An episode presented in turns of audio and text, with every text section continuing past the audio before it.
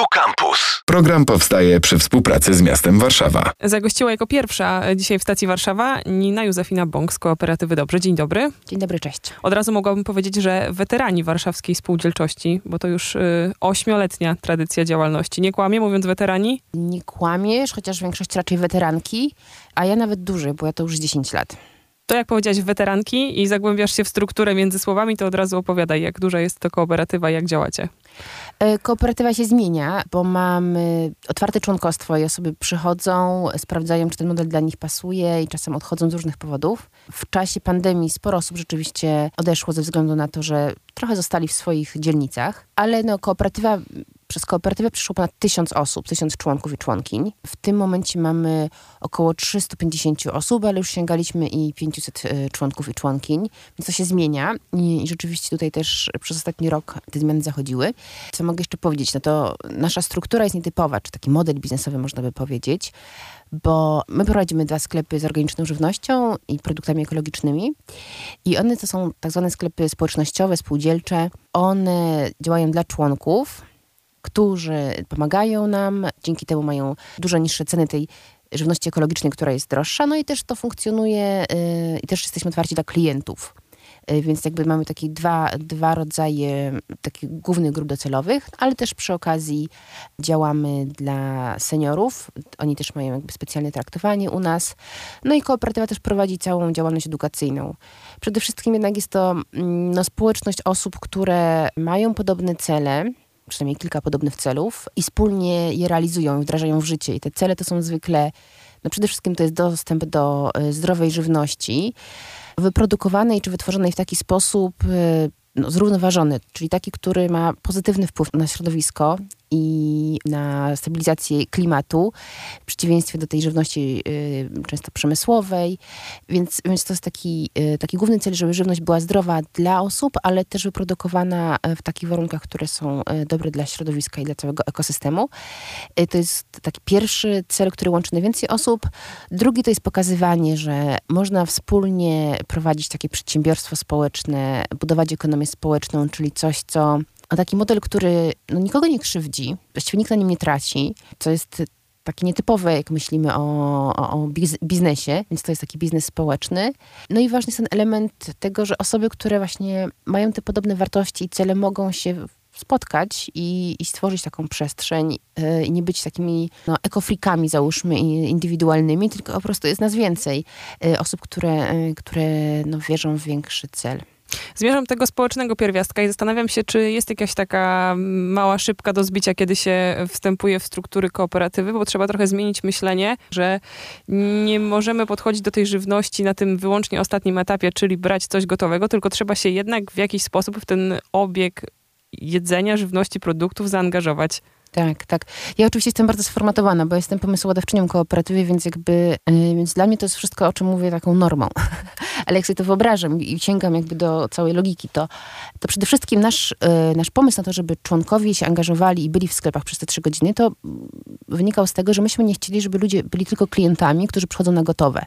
Bo mam, mamy wtedy trochę inną mentalność, kiedy przy kasie płacimy i chcemy produkt. A w momencie, w którym yy, jesteście, w, ludzie są w sklepach i widzą no, trud logistyki związanych z tym, że jak przyjeżdżają rolnicy do nas i jest tam no, kilka, kilkanaście ciężkich worków i że codziennie są inne dostawy i jak zmieniają się te warzywa, jak one się psują, jak się nie psują, jak trzeba je utrzymywać. Ja się nauczyłam przetrzymywać y, sałaty w lodówkach, jak to zrobić, żeby parę dni dobrze działały. Od razu mówię to w plastiku, odrobinę zraszyć wodą i w plastikowym opakowaniu szklanym.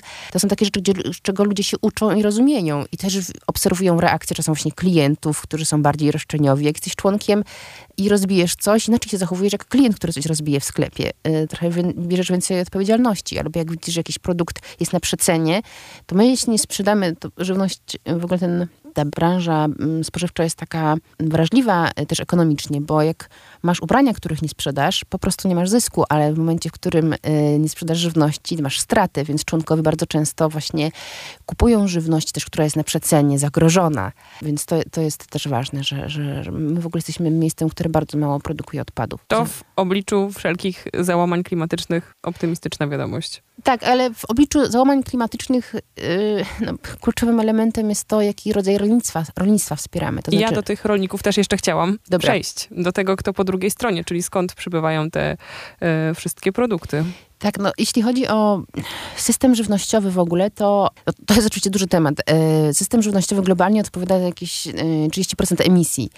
I teraz e, w przeważającej mierze to jest na poziomie e, produkcji i mm, rolnictwo ekologiczne po prostu nie wykorzystuje paliw kopalnych, czyli ropy, ani do nawożenia, ani do e, tak zwanych środków ochrony roślin.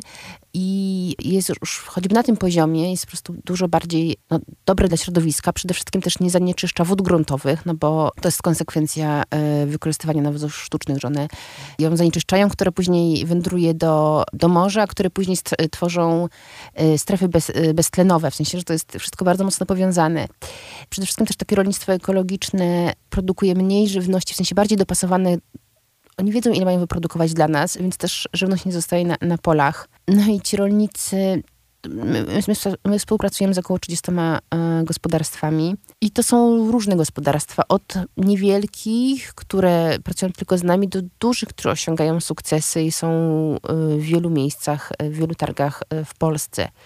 Więc tutaj jest taka różnorodność dość spora. Natomiast polskie rolnictwo ekologiczne wygląda bardzo źle. Jest w defensywie tak naprawdę. Mamy coraz mniej rolników ekologicznych, bo państwo nie wspiera tego systemu praktycznie w ogóle, albo za słabo. I też o tym będziemy, też o tym będziemy mówić, bo 6 listopada organizujemy też piknik otwarcia, bo otwieramy nowe miejsce na Mokotowie i tam między innymi będziemy rozmawiać e, z ekspertkami z Koalicji Żywa Ziemia o tym, jak wygląda e, to rolnictwo ekologiczne. Będzie też rolnik, który będzie mówił o odżywczości żywności ekologicznej, dlaczego ona jest e, droższa. To oczywiście jest kilka czynników, ale też jak ona się przekłada na, na te wartości odżywcze, które, które jest tej żywności, której nie ma w, e, w konwencjonalnej. 6 listopada, tę datę już y, powoli wtłaczamy do waszych głów, ale chciałam jeszcze y, zwrócić uwagę na jedną rzecz. Ty mówiłeś, że będziecie mówić też o dobrych rzeczach, y, w międzyczasie rozsiewając u nas te nie do końca pozytywne, ale stanęła mi przed oczami scena z takiego filmu, którego Kooperatywa Dobrze jest bohaterem i to jest film taki krótki, dokumentalny, Mhm. który został stworzony z kolei przez dziewczyny, które dokumentują kooperatywy funkcjonujące na świecie. Tak. I gdzieś na początku jest taka scena, że jeżeli coś robimy przynajmniej trzy razy dziennie, to może warto zatroszczyć się o jakość tego, co robimy. Nie wiem, czy nie przekształcam tego przekazu, ale chodziło o to, że skoro jemy przynajmniej trzy razy dziennie, więc warto, żeby to jedzenie było e, zdrowe, dobre dla naszego organizmu, dobre dla planety i dla kogo i czego jeszcze można by e, wymieniać. Jakie jeszcze wartości albo cechy przypisujecie żywności? No bo wiadomo, że zdrowa, sezonowa, lokalna, ta spółdzielczość, która za tym idzie, ale czy coś jeszcze można znaleźć w jedzeniu? Em, tak, na pewno. Ja jeszcze muszę nawiązać do tego, co powiedziałaś, bo mm, ten wybór, żeby tworzyć alternatywę, czyli organizować, tworzyć taki społeczny biznes, kooperatywy, spółdzielnie wokół żywności, właśnie stąd się wzięło, że, że to jest coś, co co jest naszą esencją, tak? My bez żywności nie możemy się rozwijać, kwitnąć yy, i po prostu to jest nasza codzienność. Tak, jak dla mnie, to to jest bardzo o sprawiedliwości, to jest o ekofeminizmie i już rozwijam te wątki. Przede wszystkim jesteśmy bardzo nieświadomi, mam wrażenie tego, jak wielką, jak wielki to jest trud dla rolników, żeby wytworzyć y, żywność. Ile to jest pracy, że rolnicy bardzo często w ogóle oni, oni też nie myślą tak ekonomicznie. Oni, oni w ogóle nie myślą w kategoriach, ile czasu poświęcili na swoją pracę. I niestety rynek po prostu dyktuje ceny. Teraz mamy ogromną ilość przecież dyskontów, które są niestety też słynne z tego, że no, no źle traktują y, dostawców, zwłaszcza właśnie warzyw. W sensie i, i były duże też kary na, na mm, popularne dyskonty za to, że ustalały ceny, po czym podpisywał kontrakt i zaniżały te ceny. One mają zresztą ogromną siłę. W ogóle ta ilość dyskontów sprawia, że całe rolnictwo musi się zmienić dostosować do takich dużych dostaw, w sensie duże odbiory, duże dostawy, to wymagają dyskonty. I w momencie, w którym tak zmienia się system dystrybucji, to w pewnym momencie te, te sklepy narzucają totalnie politykę cen. Co to doprowadzi? To znaczy, że, że stają się, y, no mają ogromną siłę, wręcz taką monopolistyczną. One będą dyktowały ceny i decydowały o tym, kto się utrzyma, kto się nie utrzyma. Więc takie rolnictwo, które angażuje ludzi, którzy mają pasję wobec tego, bo ja znam rolników, którzy mają pasję wobec i szacunek ogromny wobec gleby, która jest niesamowitym zasobem, który można albo odżywiać, albo niszczyć, no są naprawdę no, taką niszą, a jednocześnie no, to są osoby bardzo oddane tej idei, yy, wiesz, dbania o cały, o cały cykl i, i żywienia ludzi. Więc to jest takie, taka walka Dawida z Goliatem. Nie? Więc dla mnie to jest bardzo o sprawiedliwości i, i wspieraniu tego, co, co piękne i też takie kruche. To znaczy, że to rolnictwo jest bardzo kruche, yy, takie w zgodzie, w zgodzie z przyrodą, w zgodzie z cyklami natury.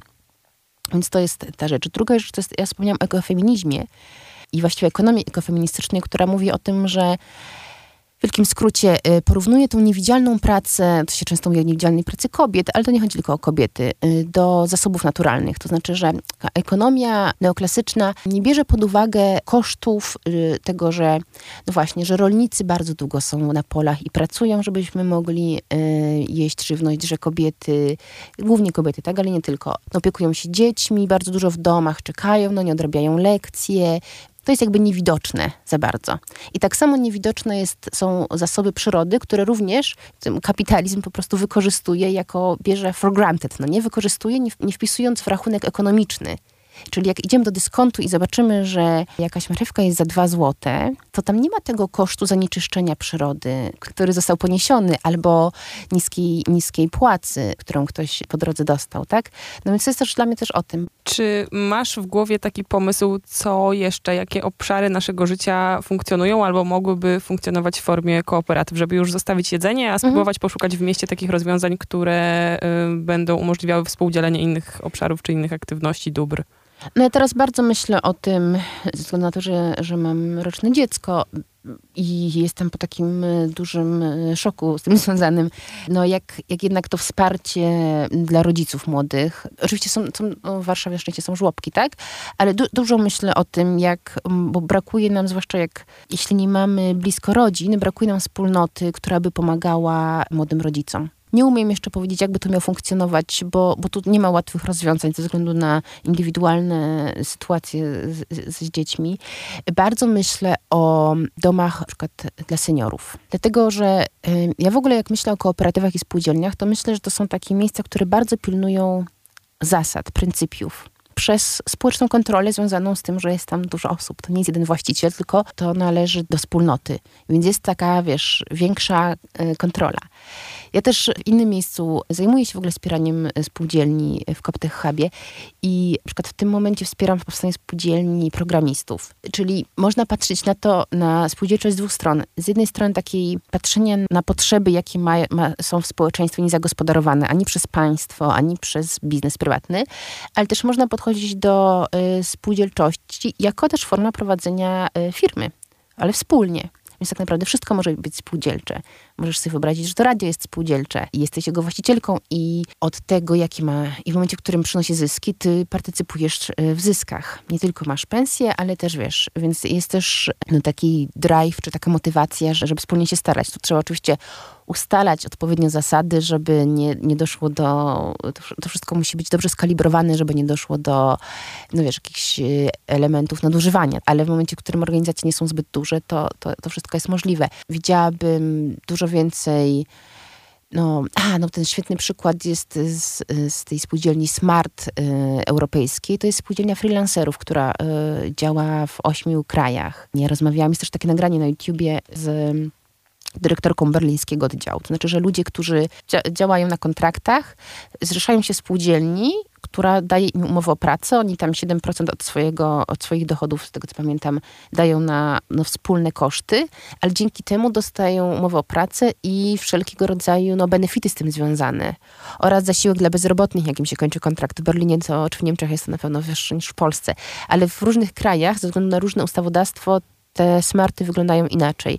Więc naprawdę pole jest ogromne, tylko to wymaga jakiejś takiej lekcji, yy, trochę lekcji, też takich ćwiczeń z wyobraźni, co można by, wiesz, razem, razem zrobić. Można by, można by wiele, tylko po prostu o tym, to, to nie, nie funkcjonuje za bardzo jako opcja, nie jest popularne. Nina Józefina Bąk gościła w stacji Warszawa. Ninę spotkacie i spółkę Kooperatywę Dobrze w sobotę na Mokotowie. Tak, 6 listopada y, otwieramy nowe miejsce na Mokotowie. Be, wejdźcie na stronę www.dobrzewaw.pl. Tam jest cały program. Y, będzie też pyszne jedzonko. Zapraszamy. Program powstaje przy współpracy z miastem Warszawa. Same sztosy.